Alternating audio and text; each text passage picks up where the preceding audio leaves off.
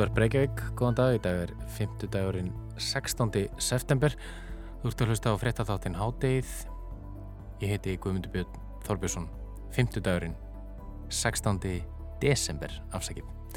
Sergei Tchikanovski, einn helsti liðtögi stjórnarnarstöðunar í Kvítarúslandi, var í gerðmorgun dæmdur í 18 ára fangilsi fyrir að skipuleggja og hvetja til óerða og mótmæla gegn stjórnvöldum. Tchikanovski hefur verið í haldi frá því mægi fyrra þegar hann ákvaða að skora að fórseta landsins til 27 ára, Aleksandr Lukashenka, á hólmi fórsetakostningum. Eiginkona Tchikanovskis, Svetlana, tók við keflinu og frambóðinu þegar hann var tekinn höndum. Bæði hún og Lukashenko lístu yfir sigri í kostningunum en þar satt Lukashenko sem fastast og nittist Svetlana Tchikanovskaja að flýja land vegna hardra að gerða stjórnvalda gegn stjórnarnarstæðingum og mótmælendum. Tchikanovskaja heldur þó baratunni áfram, jafnvel þótt hún sé niðurkomin í nágrannaríki Kvítarúslands. Baróttu sem hún segir að þau, þau stjórnaranstækanir muni að endingu vinna sigur í og það áður en einmaður hennar verði búin að þú sá bak við lás og slá í áttjón ár. Við skoðum þetta mál í síðar hluta þáttarins.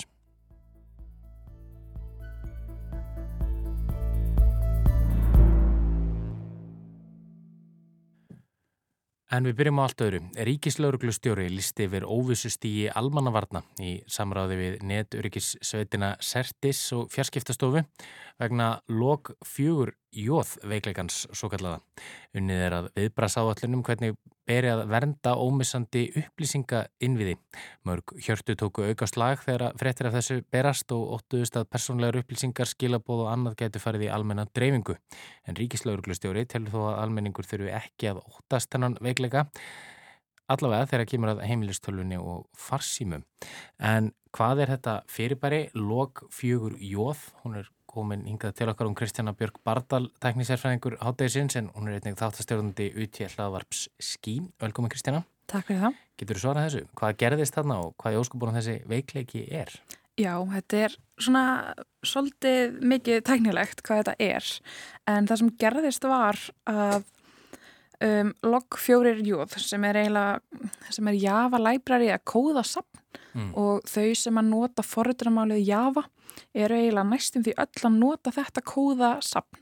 Þannig að þau sem eru þá með hugbúnað eða eitthvað svo leis er að nota þetta og þeir, og þeir hugbúnaðir eins og til dæmis bara Spotify, iCloud og fleiri sem er að nota þetta uh, voru með hann öryggisveikleika í sér sem gerir það að verkum að það var hægt að setja inn í hugbúnaðina óveirur eða skoða hluti og breyta hlutum sem átt ekki vera hægt að breyta. Þess að tala um þessi veikleiki. Emmitt, emmitt. Og þetta, en þú talar hann um, já það eru svona einhver fyrirtæki eins og Spotify og annað sem er að nota þetta, en þetta er ekki ég og þú, þetta er ekki eitthvað sem tengist okkar, uh, já, nótkunum kannski samfélagsmiðlum, eitthvað svoleiðis. Nei, ekki þannig séð, heldur ég er þetta bara uppbyggingin og ef við tölum bara eins og með hugbúnað eins og skip, að þá er skipið með ákveðin veikleika mm -hmm. þannig að það var hægt að fara inn um ákveðina hurð sem var ekki læst og koma fyrir alls konar hlutum og hægt kannski að kíkja það ángað setna Já. en fólk er búið að laga og loka fyrir hann veikleika með því að uppfæra þetta kóðasapn en það er hægt samt að skilja eitthvað eftir þó svo þetta hefur uppfært hvernig, hvernig komst upp um þetta? Um, það komst upp um þetta, almenningur komst upp um þetta, komst að þessu bara í byrjun desember í gegnum Minecraft sem er ákveðin tölvuleikur sem fólk spilar og í Minecraft getur þú skrifa skilabóði í svona tjattglugga og það verður að setja ákveðin texta inn í gluggan, skrifað ákveðin texta eða streng sem að þá breyti einhverju á baku tjöldin og það sem að þessi, þetta kóðasap leifir er að það er hægt að setja inn texta sem breytir einhverju mm -hmm. sem er rosalega stór veikleiki -hmm. og svo svona eitthvað sem ekki öll kóðasöfn geta gert Já. þannig að þetta er rosalega stórt En hverju, hverju hefðu þessir neteglæpamenn eða tölvið þrjótar hverju hefðu þeir geta breytt?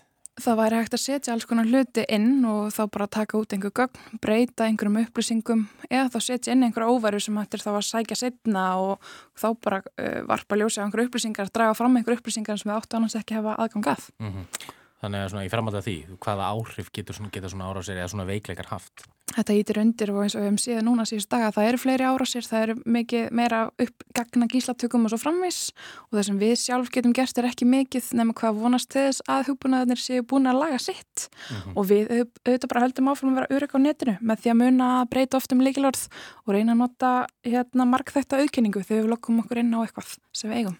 Já, þannig að það er eftir smáður undir okkur komið svona okkar eigið okkar e, öryggi okkar eigin upplýsinga uh, já, þrátt fyrir svona veikleika. Við getum komið í veg fyrir að uh, já, einhverju óbrúnir aðalar komist í gögnum okkar. En kæra það ekki fyrir komuna í hátegi Kristina við komist ekki lengra að þessu sinni. En hátegi snýr aftur strax á loknum hátegisrættum og þá ætlum við að fjalla um Sergei Tchikanovski sem í gerð var dæmdur í 18 ára fangilsi í Kvítarúslandi Þá höldum við til Kvítarúslands. Í gerðmorgun lög sex mánuða löngum lókuðum réttarhöldum yfir Sergei Tchikanovski, einum helsta leðtóa stjórnaranstöðunar þar í landi, með sakfellingu. Það var dæmdur í átján ára fangelsi fyrir að skipulegja óeirðir og halda upp í andófi gegn fórsetanum Alexander Lukashenka sem hefur verið við völd í Kvítarúslandi síðan 1994.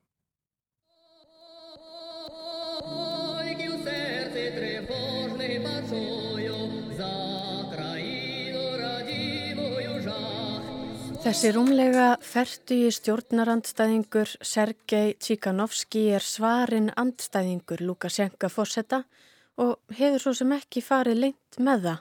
Hann hefur til dæmis haldið úti YouTube rás þar sem hann gaggrínir fórsetan opinberlega eins og má heyra hér undir. Og það við góðar viðtökur og undirtektir en til dæmis taldi YouTube-rás hans yfir 140.000 áskrifendur í lok árs 2019 sama ára hún fór í loftið. Í dag árið 2021 eru áskrifendurnir orðnir á 400.000 og það jafnvel þótt Kvorki sjáist tangurni tétur af Tchikanovski í myndböndunum sem nú byrtast þar. Í fyrra voru ákvað Tchikanovski að taka baráttu sína gegn stjórn landsins skrefi lengra og bjóða sig fram til Fosseta, gegn Fosseta Kvítarúsland til 27 ára Alexander Lukashenka. En eitthvað verðast frambóðs áform Tchikanovskis hafa fallið í grítan jarðveg því tveimur dögum eftir að hann opinberaði fyrirætlanir sínar var hann handsamaður og yfir kjörstjórn útilokaði frambóðans til Fosseta.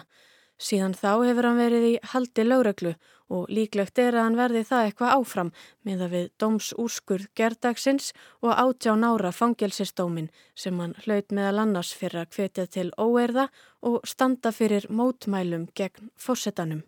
En mótmælinn gegn fórsetanum og stjórn landsins urðu ekkert minna vandamál eftir að Tchikanovski var handtekinn.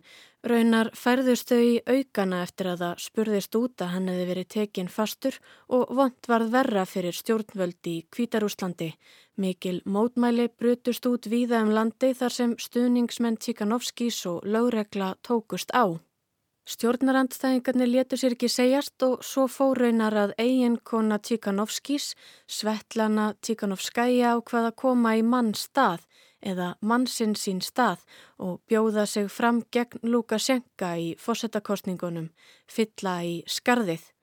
Hún hétt því að bóða til nýra frjálsra kostninga í Kvítarúslandi erði hún næsti fósetti landsins þar sem hvert atkvæði hefði vægi.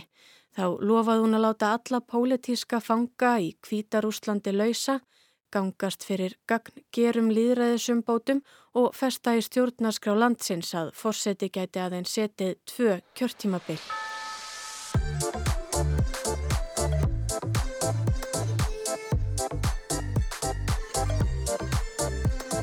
Svetlana Tíkanovskæja naut strax mikil stuðningsmeðal kvítrúsa sem fylgdu sér að bakjani en Lukashenka hjælt þó rósinni temmilega, taldi sig vita að Kvítarúsland væri ekki tilbúið fyrir konu í embætti fósetta.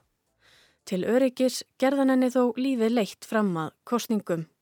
En Lukasjenka hlýtur þó að hafa snúist hugur þegar leið á kostningabaróttuna og eftir því sem velgengni Tíkanovskæju jógst en til dæmis mættu yfir 20.000 manns á fjöldafundi hennar í borginni Brest og yfir 60.000 í höfuborginni Minsk. Þá síndu skoðanakannanir að hún hefði um 70-80% fylgi. Einhvern veginn fór það nú samt svo að minnstakosti samkvæmt formanni yfir kjörstjórnar sem las úrslitin upp í beitni sjónvasútsendingu að samkvæmt ofinberum tölum hefði Svetlana Tíkanovskæja fengið 10% atkvæða og Lukasjenka heil 80%. Hann satt því sem fastast á fósettastóli og hóf N1 kjörtímabilið. Hann átti þó í einhverjum brösum því flestir töldu ljóst að brauð hefði verið í tabli í kostningunum, til dæmis viðurkennir Evrópusambandið ekki niðurstöður kostningana og hér sama má segja um flest vestræn ríki. Og kostningabraskið fór alls ekki vel í kvítrúsnenskan almenning og varðraunar kveikjanað umfangsmiklum átökum og mótmælum víða um landið, andspyrnu sem yfirvöld brúðust hart við. Lukasjenka stóða þó af sér með gamalkunnum aðferðum sem kannski sína ágætlega hvers vegna hann er stundum kallaður síðasti innræðisherra Evrópu. Hann nýtti sér digga aðstóð hersins sem var óhrættur við að beita mótmælendur ofbeldi og handsama þá þótt að væri í 2000 tali.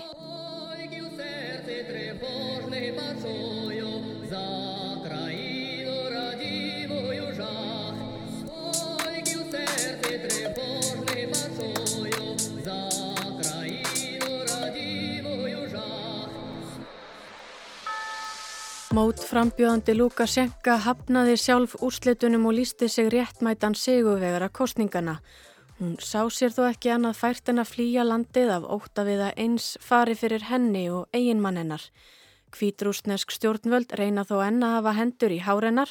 Þau hafa meðal annars kertana á grundvellir hriðjuverkarlaga og sendt framsalsbeðni til Litáens sem stjórnvöld þar í landi harð neita að verða við Henni sé frjálstað tjá sig, hvetja stuðningsmenn sína áfram og gaggrina fósettan og stjórnarfar Kvítarúsland úr örugri fjarlæði Litáen. Hún geti verið vissum að öryggi hennar og barna þeirra hjóna sé tryggt þar. Og það frelsi hefur Tíkanovskæja nýtt sér.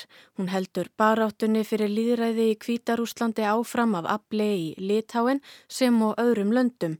Hefur verið á ferð og flugi að hitta þjóðarleðtoga á stjórnmálamenn hér og þar og fjallum aðstæður í heimalandinu. En það segir hún að stuðningur líðræðisríkja, evrópskra og bandarískra sé nöðsynlegur í baráttunni.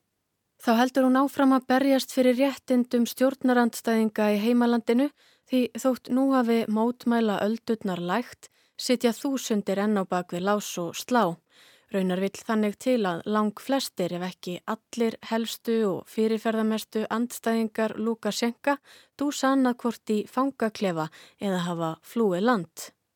Þá er það ekki nýtt af nálinni að vinsælustu mót frambjóðundum Lukasjenka fórsetta sér haldi frá frambóði með einhverjum hætti, svo sem er því að handsama þá og ákjara fyrir hitt og þetta. Það er meir eins og partur af programmet.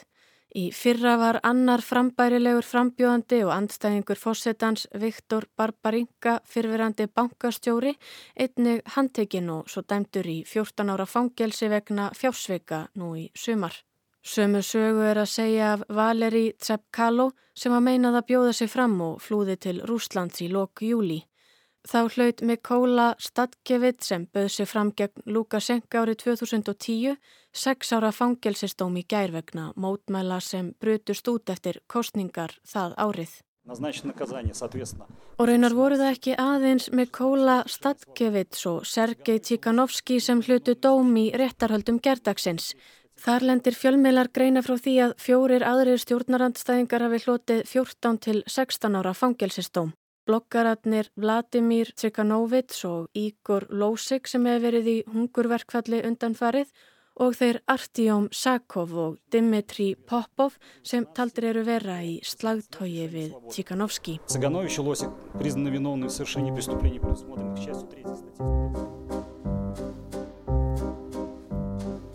Svetlana Tíkanovskæja segir að réttarhöld gerdagsins hafi ekki verið neitt annað en síndaréttarhöld, personulegar hemdaraðgerðir fórseta landsins gegn eiginmanninnar.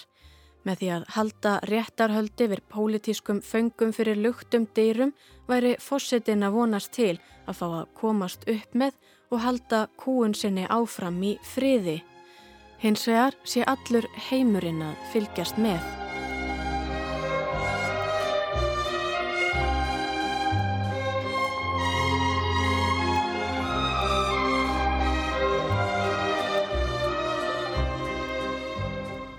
Í viðtali eftir að dómurinn var upp hveðin sagði Tíkanovskæi að hún myndi aldrei hætta að berjast, myndi aldrei gefast upp. Þá viti hún að kvítrúsar gefist ekki upp, korki á málstafnum nýja eiginmanninnar. Þvert á móti hafi dómurinn verið þeim kvartning til enn frekari aðgerða. Kvítrúsar hafi endanlega fengið sig full satta af stjórn síðustu áratöga og heimti nú verðskuldaða virðingu og áheirn. Þeir berjist nú fyrir reistn og réttlæti í Kvítarúslandi og það er baráta sem hún telur víst að skili árangri og það áður en eiginmaður hennar verði búin að afplána öll átján árin.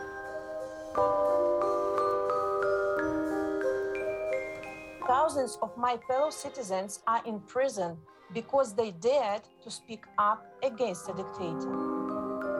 It all started as a protest against rigged elections, but it became something much bigger. It became a struggle for dignity and justice. Belarusians had enough of the regime ruling the country for 27 years. They felt that they deserved to be respected and heard.